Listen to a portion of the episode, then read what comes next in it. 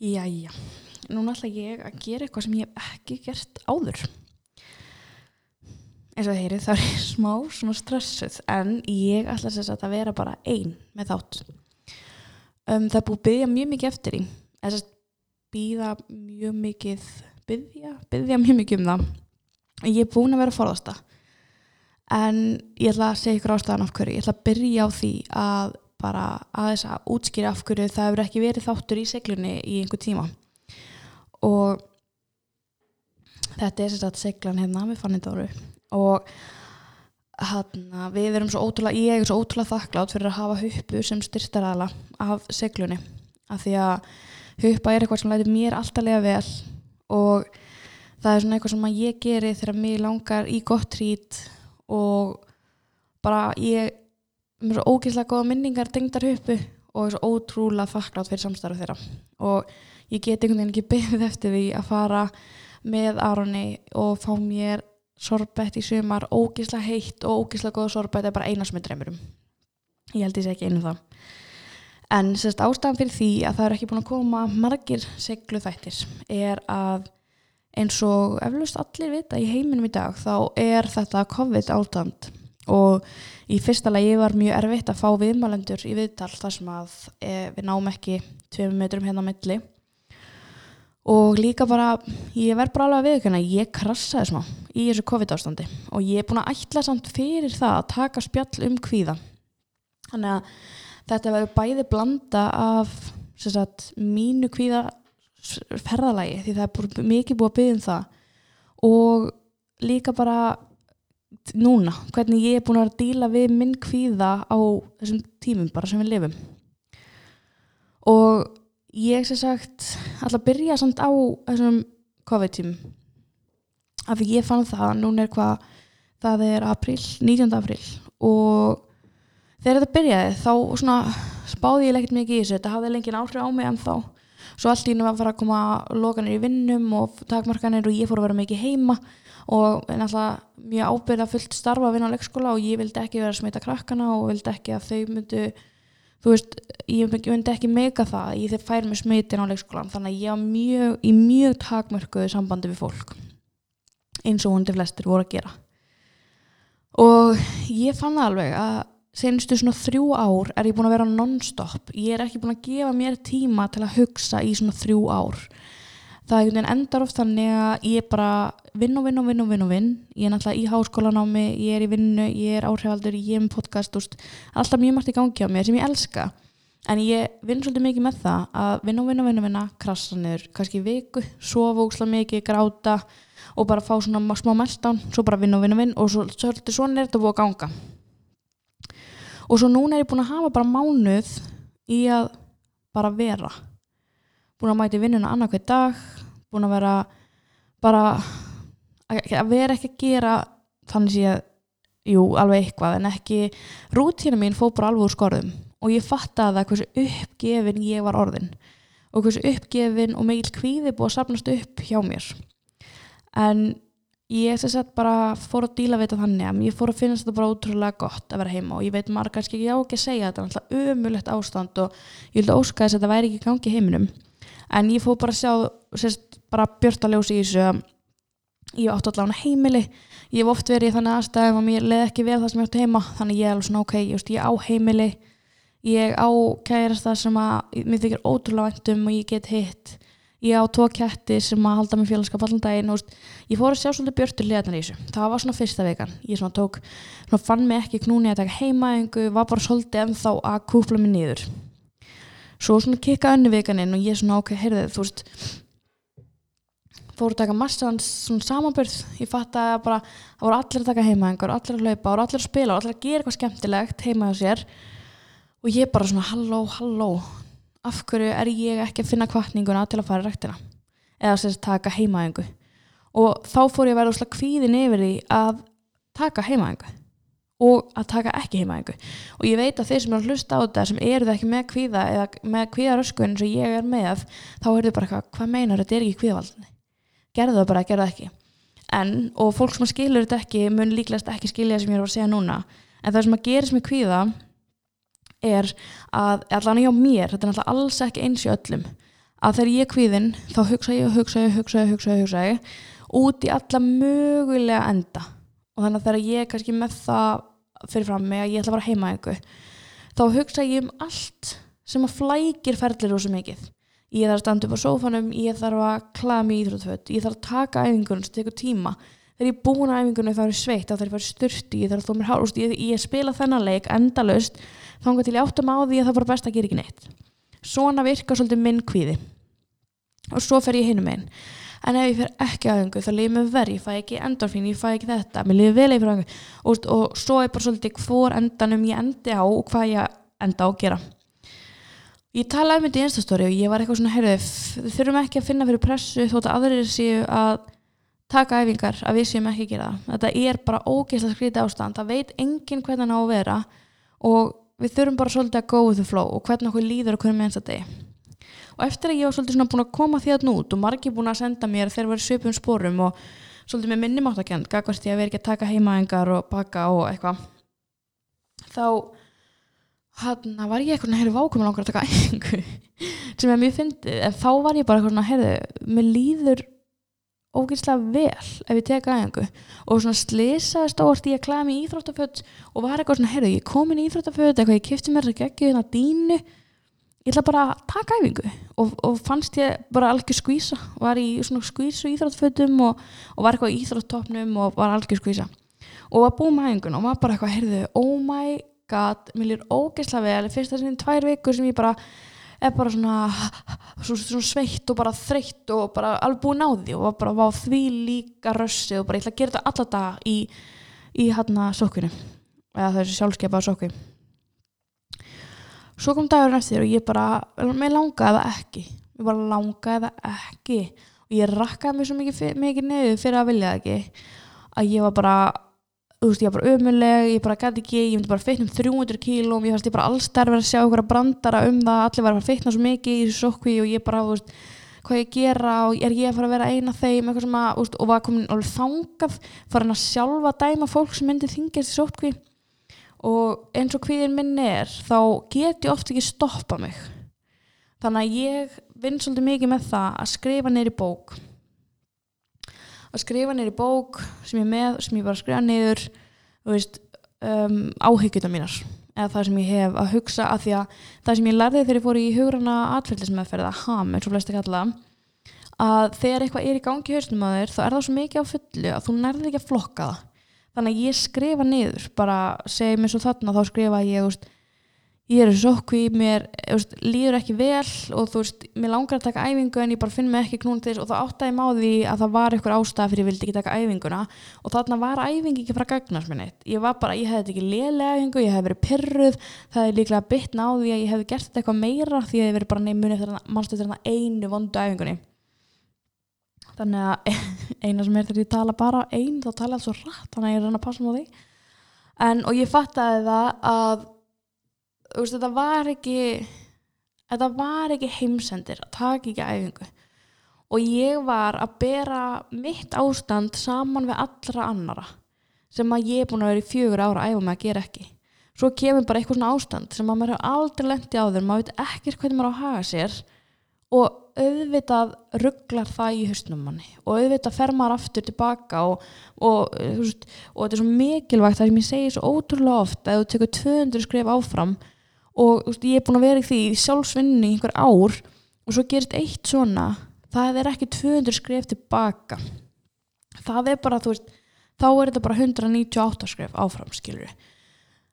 þannig að þú veist þetta er ekki það innfallt og þetta er heldur ekki það flókið og ég veit að póðið núna er einhver að hlusta og einhver er bara eitthvað að hárreita sig bara þetta er ekki svona flókið, farið bara rættuna en fyrir manneski með kvíða þá er þetta ótrúlega flókið og ég líka vona að sé einhver að hlusta á hann þátt sem er með kvíða og eiga einhvern kringur sem skilja ekki og fái þau bara til að hlusta. Því að yfirleitt er ég útskýri fyrir fólki sem skilur þetta ekki um, að ég sé með kvíða þá er fólk bara eitthvað, wow, ok, þér líður bara svona. Og það sem að var svona eiginlega það sem að let mig áttam á því að þetta væri stærra vandamálin í hjælt var að einu sinni var ég og vin, vinkunum mín í vinnunni að, þarna, eitthvað að spjalla og hún eitthvað segir eitthvað sem ég tek inn á mig, ég man ekki nákvæmlega hvað það var. Og ég eitthvað, mér lífur illur sem hún segir. Og þegar mér lífur illa þá á ég oft til ég að segja ekki neitt um það. Eða annarkvæmt verða mjög reið. Þannig að ég svona við eitthvað tökust aðeins á og svo bara kemur helgi í vinnunni. Og þar sem við erum báðar mjög kvartvísar þá gerist þetta alveg reglulega. Og við báðar svona endum á að, að, að við komum bara vinnuna á mándeginum og ég, hún læti bara svo ekkert sé og ég bara, herðu þú veist, ég er búin að hugsa um þetta alla helgin en þess að hún sagði að föstdæn og hún bara, hæ, þú búin að hugsa um þetta alla helgina? Og ég sagði þetta bara, við tölum bara um þetta. Og svo bara hætti ég að hugsa um þetta að því að þannig líður flestum, þú veist, þeir eru ekki með eitthvað á heilanum í marga daga. Á meðan ég er bara ofugsa og ofugsa og ofugsa, ég held að flestum er kvíða tengir og svolítið mikið við þetta. Að maður er bara Veist, ég var bara alla helgina, bara byrja allan að hafa mynd þetta, var hún pyrra þessu og þetta og þetta, þetta. og þarna bara báði mig afsökunar og, og saði bara þú getur ekki getur ekki látið eitthvað svona lítið sem skiptir engum máli, hafa svo mikið áhrif á þig. Þannig að þá fór ég svolítið að vinna í mínum málum og þú veist, nú er ég alveg að opna mig frekar mikið því að þú veist, þetta er eitthvað sem maður kannski tala ekkit mikið um, sem er samt svo fáralegt að þetta er svo ótrúlega eðlegt að hann að ég byrjaði sérst í sálfræð meðferð sem ég hafði ekki verið áður. Ég sagt, hafði farið á sagt, ham þegar ég var 19 ára og ég var alveg búin að nýta mér eitthvað en það var alveg margt svona sem var að fara að gleymast og ég þurfti smá svona ég þurfti þetta svona einstaklingsspjall. Og ég fer hjá kvíðameðferðstöðinni það var svona fyrsta sem ég eða, sagt, það var mælt með konu þar og ég byrja henni. Og þar sem ég fílaði rosalega mikið við það að þú veist mér fannst ég alltaf vera að fá heimavinnu og mér fannst ég alltaf vera að vinna í vandamálunu af því að það sem, kveið, er, það sem ég kveið fyrir að fara í sálfræðmeðferð var að borga allan pening við einhvern sem væri bara að fara að spjalla við mig. En það þarna gaf sálfræðingurum mér svo mikið hlutlu spjall að því eru þetta að spjalla við einhvern um þú veist eitthvað í lífininu þá hefur manneskinn alltaf eitthvað að tjenda hún er með þér liði, hún þekkir þig en ekki hinn þannig að hún sér þína hlið bara á meðan að þarna þurfti ég að útskýra hvernig mér leið svo vel fyrir henni að hún gæti verið svona hlutlis aðili inn í þessu. Og þú veist fyrir henni þessum sálfræng þá er ég bara tómt blað. Hún þekkir mig ekki úr æsku hún þekkir ekki þú veist hvernig hegðunum mín er og þannig að hún þurfti að kynast mér og ég þurfti að kynast henni. Og það var ótrúlega gott fyrir mig að fara til sálfrængs og ég var alveg hjá henni eins og viku í svolítið langa tíma. Og við unnum alveg mikið úr mörg vandamálum, mörg svona djúpum vandamálum og bara hlutum eins og þú veist mér finnst alveg svona erfitt að ræða þetta sko. Ég er alveg smá mikið og tári á hann en bara svona að vera ekki nóg, af því að núna er ég með tattur sem stendur á mér þú ert nóg og ég er alveg mjög mikið að reyna að vinna með þessa möndru en innst inni þá hefur mér ekki alltaf leiðið þannig og þetta fylgir það manni alltaf. Maður er alltaf með hann tilfinninga bakboka eins og ég var að útskýra við litluverðingum minni. Maður er meðan tilfinninga bakboka og í þessum bakboka er þú veist fólk með sveikimann og, og, og hugsanir sem er ámanni þegar einhver segir eitthvað vond við mann og þegar einhver segir eitthvað gott við mann og við látum þetta hafa áhrif á manneskjuna sem við erum. Og ég hef óst, alltaf verið mjög félagslega og verið í samskiptu við mikið af fólki og ég á stóra vinhópa og mikið af fólki í kringum mig þannig að þú veist það er svo mikið af fólki sem er í bakbókanum mínum og það sem fólk hefur sagt að ég hef svona aldrei unni úr því heldur höfum fæst gert það unnið eitthvað úr bakbókanum okkar. Og það var ótrúlega gefandi að fá að tala við sálfræðingin og geta verið bara þetta gerðist það er ógeðslega langt síðan það gerðist en þetta hefur ógeðslega mikið láhrif á mig. Og, og bæða að fá hana til að segja bara heyrðu ég skilði og líka að segja bara þú þart að sleppu sig og það var ein hérna það var ein svona myndlegging sem hún sagði sem að uh, lýsir mínu ástandi mjög vel og ég hef flest, eða mjög margir tengi við ekki flest en alltaf mjög margir. Að hérna sko máli er hjá eins og hvið ástandi á mér er að það er svona svo lítil rött í heilanum sem að segir þú veist, ef þú gerir þetta þá bara gerist það versta mögulega þannig að ef ég segi hérna úst, segjum eins og það eru aðrópum og stefnumót inn í hausnum mér og svona lítilrödd sem að bara þú gerir þetta þá gerist þeim að er vest í þessar ástu og litla röddum þarna ég næ ekki að þakki henni en hún er reynda búin að vinna svo mikið ég fór á stefnumót með armi og endaði svona ótrúlega vel. En úst, þarna var ég ekki búin að vinna henni þannig að hún lísti þessar rödd þessari möndlun í hausnum með ég hana hún lísti henni svo ótrúlega vel að þetta er eins og hún segi, hún segi ég var á spáni og við erum að borða úti og það kemur svona flækingsköttur og hann er að mjálma á mig þannig að ég gef hann svona mat. Svo fer hann og kemur aftur og mjálmar bara herra en ég gef hann svona mat. Og að því að hann færi eitthvað frá mér þá kemur hann alltaf aftur. En ef ég hefði bara hunsað hann strax þá hefði hann ekki komið. Þannig að við tvær, eða sérst ég og hún fórum í mikla vinnu með það að hunsa þessa rödd þannig að ég var í því bara í ár að gera allt sem að er erfitt. Bara bókstallega við bara ef að þú veist það var eitthvað sem að leti röddin að koma upp í hausnum mér þá þurfti ég að gera og við erum að tala um sko við erum að tala um þetta. Um, við erum að tala um skrýtnustu hluti heimi sko. Þið getið ekki vit ef ykkur grunnar eins og hvað er erfiðast fyrir mig heima að gera. En það er þessi hlutir eins og að kaupa klósupapir bara að kaupa dömbinn og túrtapa um, að segja orðið eins og túr og kúkur. Og ég með segja bara rauð í framann við að segja þetta. Um, að hana, gera hluti, segja já við hlutum og segja líka nei við hlutum þegar úrst röddinn inn í heilanum sér ef þú segir nei þá mun hann hætta að vera vinnin eða eitthvað þannig. Að segja þá nei ég geta ekki ef það henda mér ekki. Og þetta er svona ótrúlega random hluti sem ég er fast vandralegt að segja skilji, mér er stóðslega vandrað bara, ég vil ekki segja orðið klósut ég vil ekki fara að kaupa klósutbafir og hún let mér bara fá lista með öllum þessum atriðum sem ég hef búin að minnast á og ég var bara í þessari vinnu í heilt ár, bara fara að kaupa klósutbafir ein klukkan 5 þegar allir er búðinni. Um, og alls konar svona veist, allt sem ég varst óþægild að gera það. Og þessi vinna tók alveg fáránlega mikið á og var alveg sjúkla þung og erfið.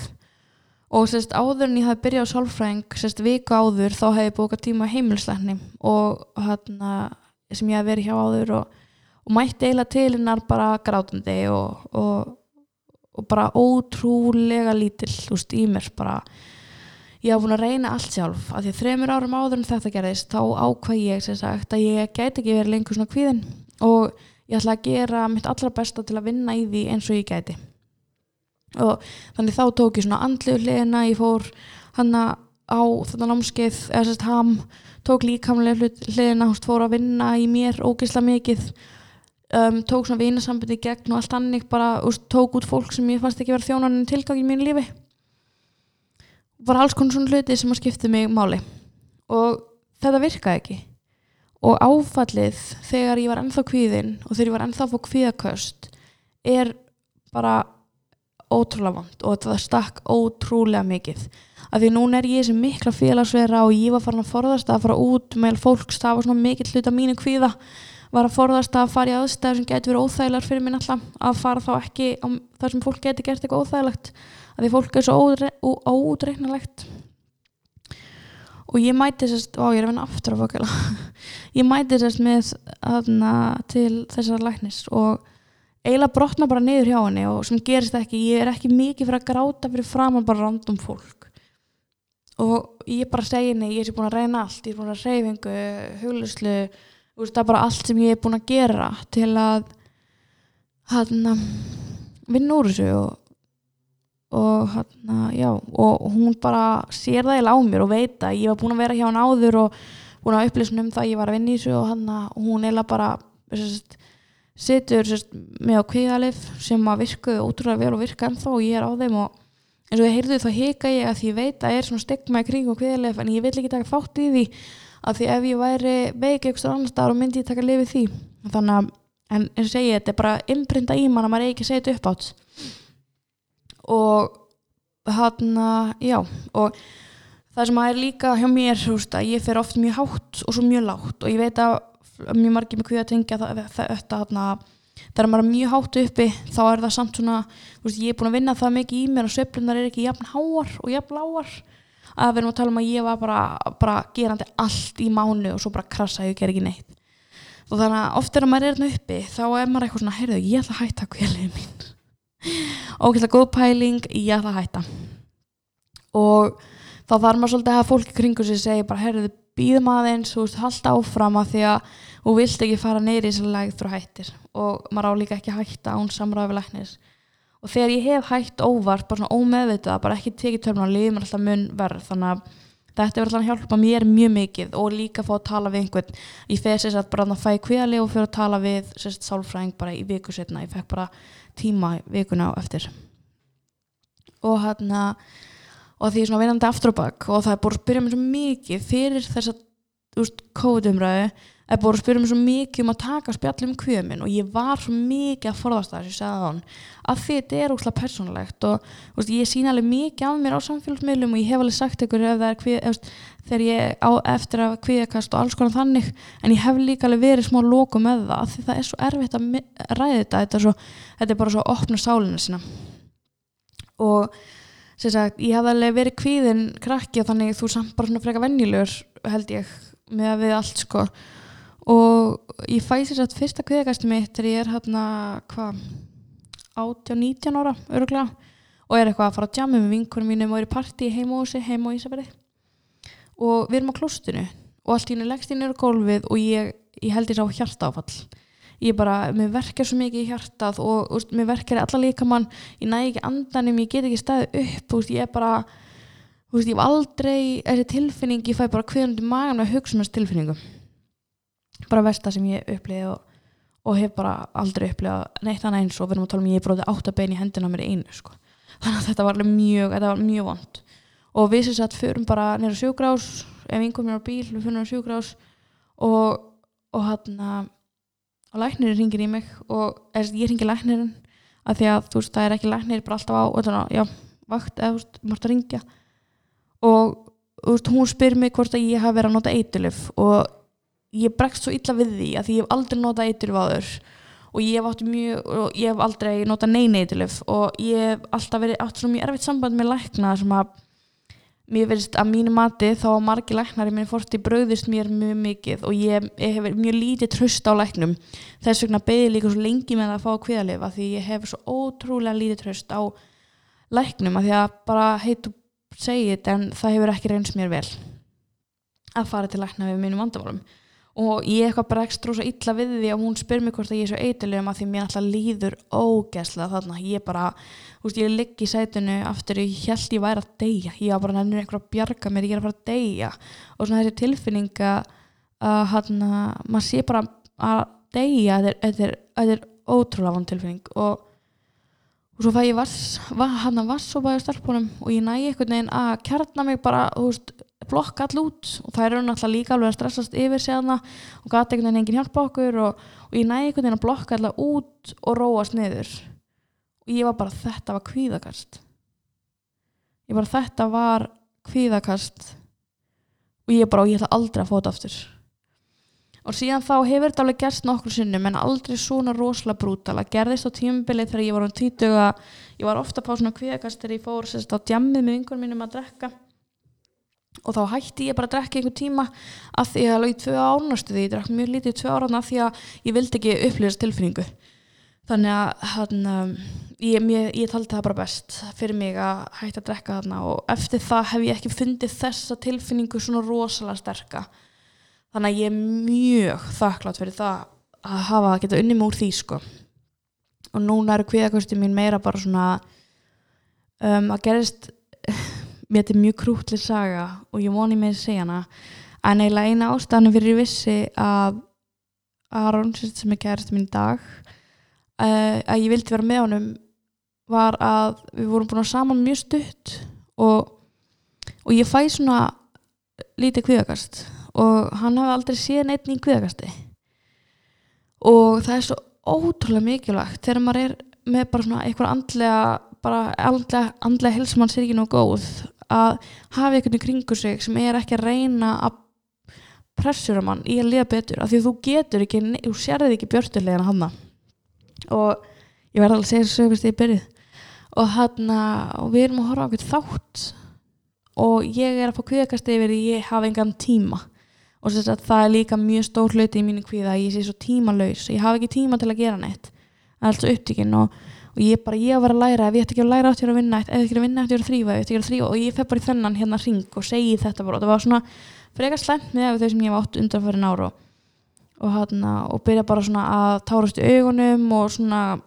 naða neklutnar og segja þetta aftur. Og ég get ekki verið þátt, ég ætti að vinna, ég ætti að þrýfa, ég ætti að í skólinum og,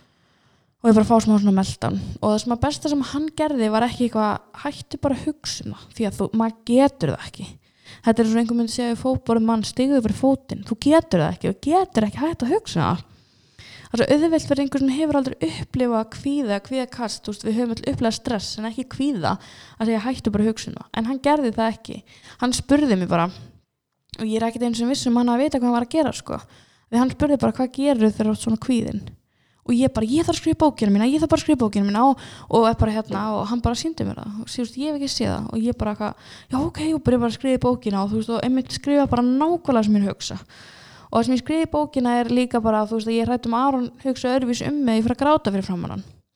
og hann er ekkert eitthvað, heyrðu þetta gerst ekki hann bara svona horfir, leið mér að klára ég leið hann að lesa. Mjög persónlegt móment líka að leið hann að lesa svona mínar nánustu hugsanir og hann bara, þú veist, ég myndi aldrei dæma að gráta, þú vilt gráta alltaf læg þú vilt ekki gráta alltaf læg, ég get, þú veist, farið. Og bara leiði mér að vera við stjórnvölin og það er svo ótrúlega mikilvægt að þið segi makar með ykkar að fjölskyldin ykkar að þegar það gerist að þá þú veist, vantar ykkur ekki pepp eða þú veist, ég spyr líka bara oft fólk þegar vinið mín er eitthvað, herru þetta gerist og ég eitthvað, herru, viltu veist, á ég segja að rífa í gang eða vilt að ég sem samúð með þér þá bara, heyrðu, ég þarf bara að reyja mig í gang. Það er bara, viltu hættur heldur kæfta eða skiptir engum máli. Eða þú veist, svo segir fólk kannski ég þarf samúð og þá er ég bara heyrðu, þetta er ömulegt og mér get glada og fá okkur ís, þú veist, bara hupað okkur ís. Þú veist, að því að maður tekur við mismundur hlutum mismunandi og ef það er alltaf einhverju að hættu þessu, þá hættur þau bara að koma til þeirra. Það er svona svo ótrúlega mikilvægt fyrir okkur að útskýra fyrir fólkinu okkar hvað þetta er, af því að auðvitað gerir fólk mistök og stundum skilur það bara ekki. Það sér okkur bara kannski sitt í sófanum og það er bara eitthvað vákvært ógstlega löt og þú ert inni þér bara ég get ekki hreift mig, ég get ekki hreift mig, skilur og það, maður verður bara útskýra fyrir fólki og bara segja, veist, þegar, ég er til dæmis í sófanum og er að horfa okkur þátt er langar svo ógæslega mikið að taka til en geta ekki það er að því ég hugsa þetta og þetta og þetta og þetta og þetta og þetta og þetta og bara útskýra og vera ofin og hreinskilin með það sem er í gangi. Og ég veit að þetta kannski stangast aðeins á vera ofin á reynskilinu, ég hef ekkert mikið talað um þetta en ég hef dilt eh, öllu inn á Snapchat og Instagram sem mér fannst eitthvað að koma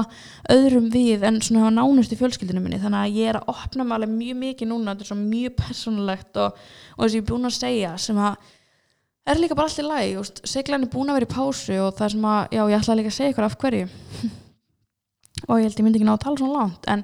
Að ég uppleiði mjög mikið sambörn með segluna allt í nú voru margir konum podcast og öll podcastum var eitthvað í toppnum og seglan var eitthvað ekki alltaf á toppnum og ég eitthvað svona hvað er í gangi, skilur ég að reyna mitt besta? Og, og ég er hérna að setja mig ekki eitthvað óþægilega stöðu með fólki sem ég þekk ekki sem ég er að gegja, ég elska að vera í þessar stöðu ég elska að vera með fólki viðtalið þannig að ég, eitthvað, ég er að gera mitt besta bara okkur er það ekki nóg og ég bara svona, heyrðu, ég, ætla, ég er hægt ég ætla ekki að gera það lengur, bara, ég var bara hann í mánu bara ég geti þetta ekki, ég geti ekki verið að setja bara svona mikla vinni í eitthvað sem gengur svona ítla og hann svo eitthvað er ég að tala þetta við Gunnar sem er umbóðsmaður minn. Og ég eitthvað, já veistu, ég bara mér er óslag kviðin yfir podcasti og eitthvað. Og hann eitthvað, viltu ekki bara hætta? Vist, er spurningum að vera ekki að gera eitthvað sem veldu þér kviða og ég bara nei, nei, nei, nei. Seglan er svo geggju og seglan representa þetta. Og fólk sem líður svona getur hlusta á segluna og, og þú veist allt þetta. Og hann bara sér þið, þú vistir alveg svarið. Þú bara varst, og, og ég, þarna var ég bara alltaf miklu samabörði við alla sem voru í toppnum í staðin fyrir að halda áfram að búa til góð, góð podcast og vita bara að ef ég er að gera mitt besta þá er það alveg nóg. Og það var líka ástæðan, ég vildi gefa þætti þegar mér leið svona ég vildi ekki vera eitthvað herðu hann að, þú veist,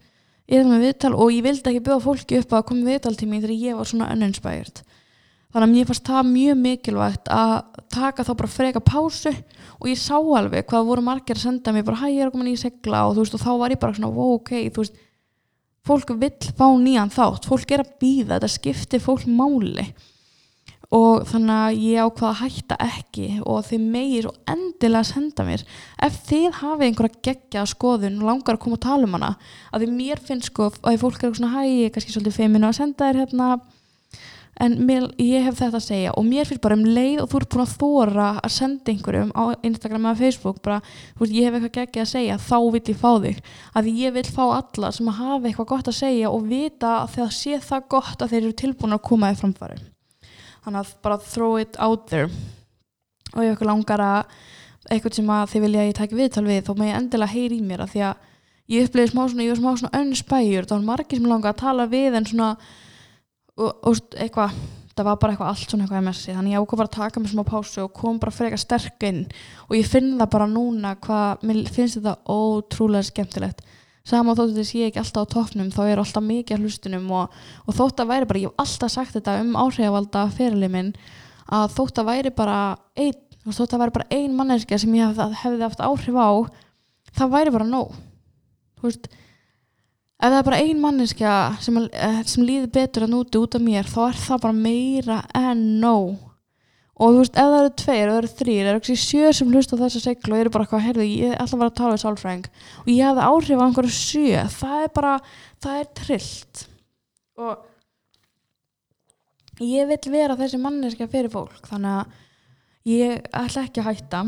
og ætla ekki að vera í samburði og þetta kom alveg móment sem maður er bara öll þessi mikla vinna ekki í neitt. En svo er maður bara, er ekki rétt. Það er ódökkar bara upp og mikið og millu og upp og niður og, og ég er bara ógst stolt af því að vera eini í flórunni og ég hef alltaf litið þannig því fleiri og því betra. Þannig að ég ætla bara að gera mitt besta í þessu að vera gera mitt og gera segluna og líða betur og, og ég finna bara núna þeim leið og komið betra viður þá líður mér aðeins betur og þótt maður sé að reyna að vera heima allan daginn og ég er búin að vera svona pyrra með allir bústa og ég er bara heima eitthvað þá er ég samt bara að gera mitt allra besta mitt allra besta. Og þetta sókvi er bara búið að þetta sjálfskeipa sókvi er bara búið að hjálpa mér óslega mikið. Ég er búin að ringi vina og vinkunur sem ég er ekki búin að heyri lengi. Ég er búin að taka zoom-spjöll. Það er búið að kenna mér persónlega að meta það sem ég á. Og ég er búin að reyna að vera dögulega að skrifa hvað ég er þakklátt fyrir á hverjum degi eða hvað er það besta í hverjum degi. Og það er óslægt gaman að skrifa hvað er það besta í hverjum degi þegar að eh, allir dagar eru bara eitthvað til þú veist ég er bara eitthvað í bókinu eitthvað fekk mig gegja skýrskál þú veist að venjulegum degi væri maður svo gegn mikið að finna eitthvað gegja móment og þarna var ég bara eitthvað skýrskálin var góð. Þú veist að skrifa bara eitthvað sem ég er þakklátt fyrir og bara hvað gerðist gott þann daginn eins og ég bara skrifa um daginn á svo skemmtilega áskorun á Instagram, svona þakklætis áskorun að hérna og ég, þú veist, ég áttæði mig ókslega mikið á því hvað ég þakklátt fyrir heimilu mitt. Eins og ég segði á hann, þá hef ég verið í aðstæðum þar sem að mér leiði ekki vel heima að mér að ég átti ekki beint heimaðar og fannst ég bara verið svona millibils ástandi og eitthvað. Og ég fattæði bara, wow, hvað er ánað að eiga þessu stofi og vera búin að skreita eins og ég vil og, og líða vel heima hjá mér. Þannig að ég er ótrúlega þakklátt fyrir það og og fyrir það hvað Aron er mikið hjapnakið og meikar mig þegar ég er í kviðakasti og fyrir upp og niður og, og, hana, og fyrir kísunar, fyrir allt og, og maður áttar sér mikið á því þegar ég ringdi í pappminum daginn á FaceTime að gráta því saknaði svo mikið hvað maður hefur það ótrúlega gott og hvaða er dyrmætt að geta knúsa fólk ég fann það bara þegar ég kom það neyri í svæpstúdjó og nökku tók ekki mótum með mig knúsi eða bara brosi að ég var bara aah, ég sakna. Að því að það er eitthvað, maður veit ekki maður kann ekki að meta það fyrir maður hef, hefur mista þannig að veist, þetta ástand er ömurlegt og þetta vildum við öll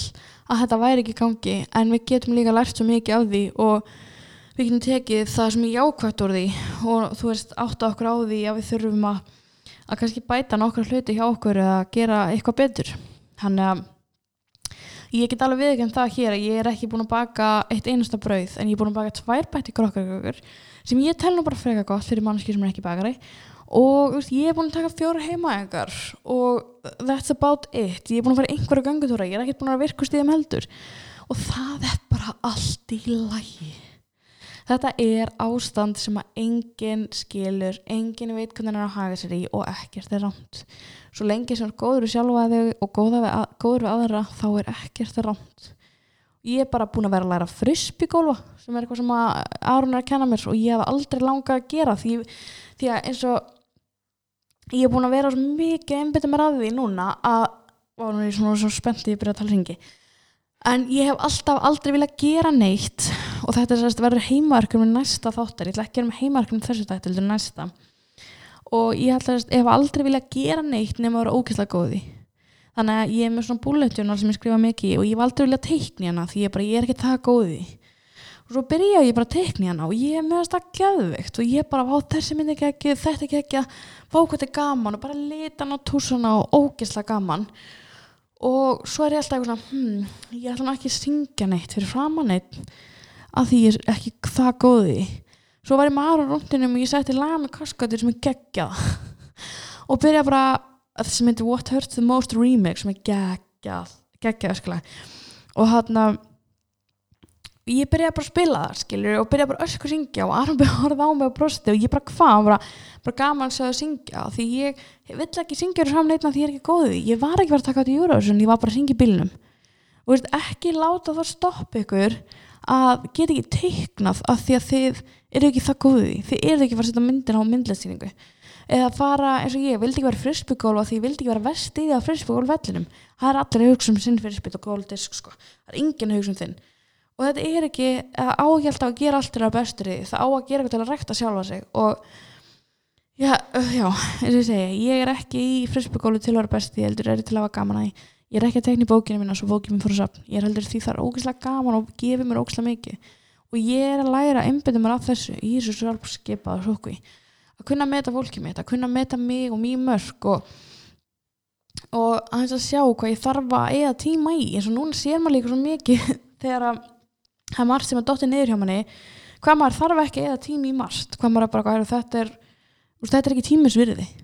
þannig að notum hennan tíma og reynum að vera jákvæð þótt að það sé ógíslega erfitt og ég skilða 100% en reynum eins best, okkar besta og þetta verður veist, einhvern tíman verður þetta búið og þá verður við þakklátt fyrir þetta að það við sínt okkur hvaða fólk skiptur okkur máli, hvaða fólk það er sem við ringjum í, hvaða fólk við erum á súmfundum með þá sjáum við hvaða fólk það er sem skiptur okkur í alverðinu máli þannig að ég held að það sé bara flott að enda á þessu. Uh, ef að þið vilja aftur ég taki svona spjallum eitthvað ákveðið þá með ég endilega senda mér, ég var að meita að taka umræði gerum og snabbt hérna um hrós og, nei, Instagram um hrós.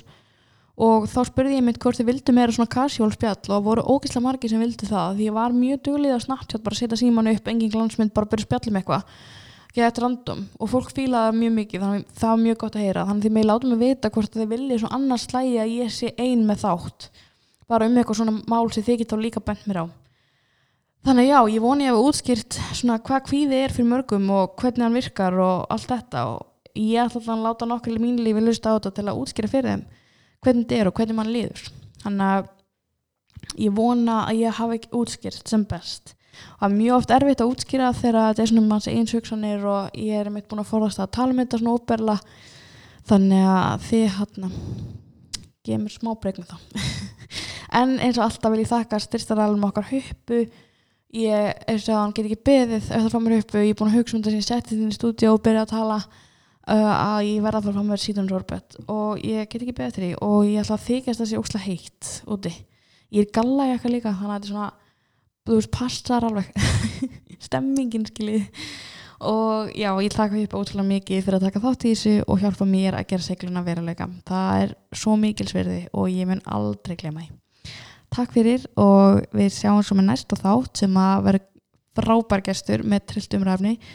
og hann verður eftir viku þannig að þið með alls ekki missa honum og þið geti alltaf fundið mig á Instagram fannidora.com ef þið eru með hugmyndir og umræfni að viðmælundum. Takk fyrir þetta og farið valega og veriði heima hjá okkur.